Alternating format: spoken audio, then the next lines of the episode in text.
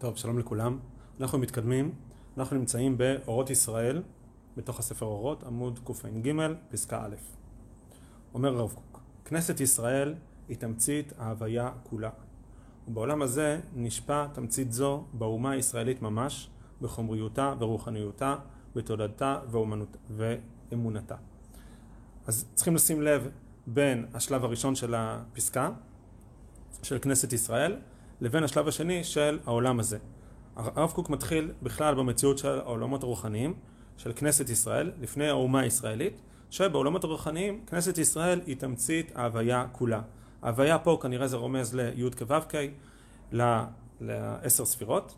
וכנסת ישראל לספירת המלכות, שהיא תמצית ההוויה כולה. זאת אומרת, המטרה של ספירת המלכות היא להביא לידי ביטוי את שאר הספירות ולהוריד את השפע שלהם לעולם שמתחת. וזה מאוד מתאים לעניין הזה של עם ישראל, שהמטרה של עם ישראל זה לקלוט את הקודש העליון, לקלוט את הקדושה הפנימית העצמית,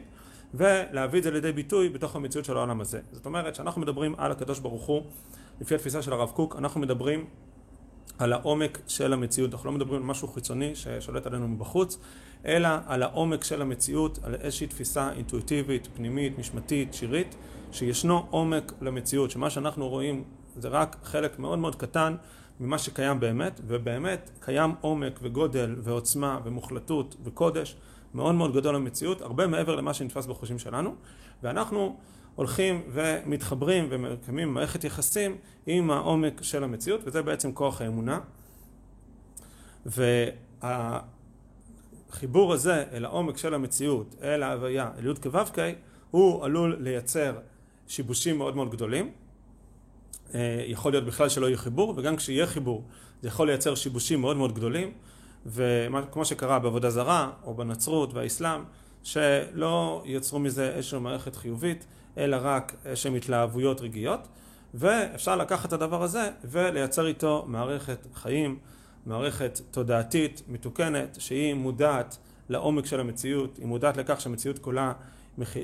נובעת ממקור אחד, ולכן במציאות צריכה להיות הרמוניה ואחדות, וכל הכוחות צריכים להתאחד אחד עם השני, וצריכים לאזן אחד את השני, וצריכים ליצור פה מערכת של תיקון מידות, ותיקון מוסר, ותיקון חברתי, ותיקון עולמי, ותיקון חומרי, שילכו ויאחדו את כל המערכת לקראת אותו קודש עליון שמחיה את הכל וממנו הכל נובע, וככה אפשר לייצר איזשהו תהליך של תיקון בעקבות המפגש הזה עם הקודש. וזה תפקידה של,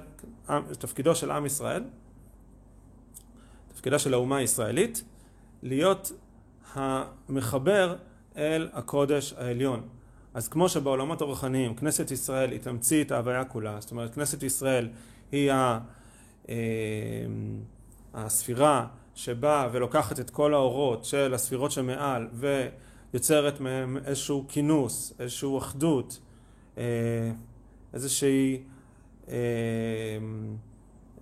איזשהו מימוש של הכוחות האלו כדי להביא את זה לידי ביטוי ולבנות מזה מערכת נוספת, את העולמות שמתחת, באותה מידה, בעולם הזה, נשפע תמצית זו באומה הישראלית ממש. זאת אומרת, באותה מידה, התפקיד של עם ישראל זה להיות מחובר אל הקודש העליון, הפנימי, האינטואיטיבי, הנשמתי, ולייצר ממנו את התמצית, לייצר ממנו את הסגולה, את הדרך, איך להשפיע אל העולם, איך להשפיע אל החברה, אל הפרט, אל החומר, אל כל הקיום העולמי. וההיסטוריה הישראלית היא תמצית האידיאלי של ההיסטוריה הכללית, ואין לך תנועה בעולם, בכל העמים כולם, שלא תמצא דוגמתה בישראל. זאת אומרת, התפקיד של עם ישראל, או התהליכים ההיסטוריים שעם ישראל עובר, הם כולם בעצם התהליך השורשי הזה של הספירות,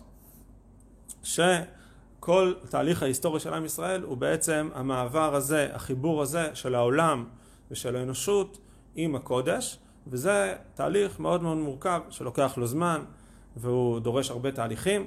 שאיך הקודש מתחבר אל המציאות. אז זה מתחיל מיצירת עם ישראל ביציאת מצרים, ומעמד הר סיני שבו עם ישראל מתעלה להכיר את העומק של המציאות בצורה יותר גדולה ונוצרת התובנה הזאת והמערכות התורניות האלו שילכו ויממשו את הקודש בתוך מערכות החיים של עם ישראל ושל האנושות ואז עם ישראל צריך להקים ממלכה וצריך לאט לאט להופיע את הארת החיים העליונה של הקודש בתוך המציאות העולמית, בתוך האנושות על ידי מלכות דוד ומלכות שלמה שהופיעו באמת הארת חיים מאוד מאוד גדולה גם במובן החומרי וגם במובן התודעתי של הקודש ושל הרוחניות ושל המוסריות שהיו במערכות האלה ובממלכות האלו. ואחרי זה יש חלות שהן שבירות ותיקונים אבל בכל מקרה כל ההיסטוריה של עם ישראל היא בעצם היסטוריה של חדירתו וחלחולו של הקודש לתוך המציאות. ואמונתה היא התמצית, המסולת והמקור המשפיע את הטוב והאידיאליות לאמונות כולם. זאת אומרת, האמונה של עם ישראל, האמונה והרב קוק הרבה פעמים זה המערכת האמונית, המערכת הדתית, המערכת החברתית, המוסרית שיש בעם ישראל, זה הצורה המזוככת ביותר שבה הקודש העליון יכול לחלחל לתוך החברה האנושית על ידי אה, המנטליות הישראלית שבונה פה מערכות של מוסר, של קודש, של עבודת השם, של דתיות שהולכות ובונות את הדבר הזה. אז כל האומות מנסות לייצר מערכות כאלה, זה נטייה אנושית טבעית וגם באומות יש דתות מסוימות ויש תפיסות רוחניות, תפיסות מוסריות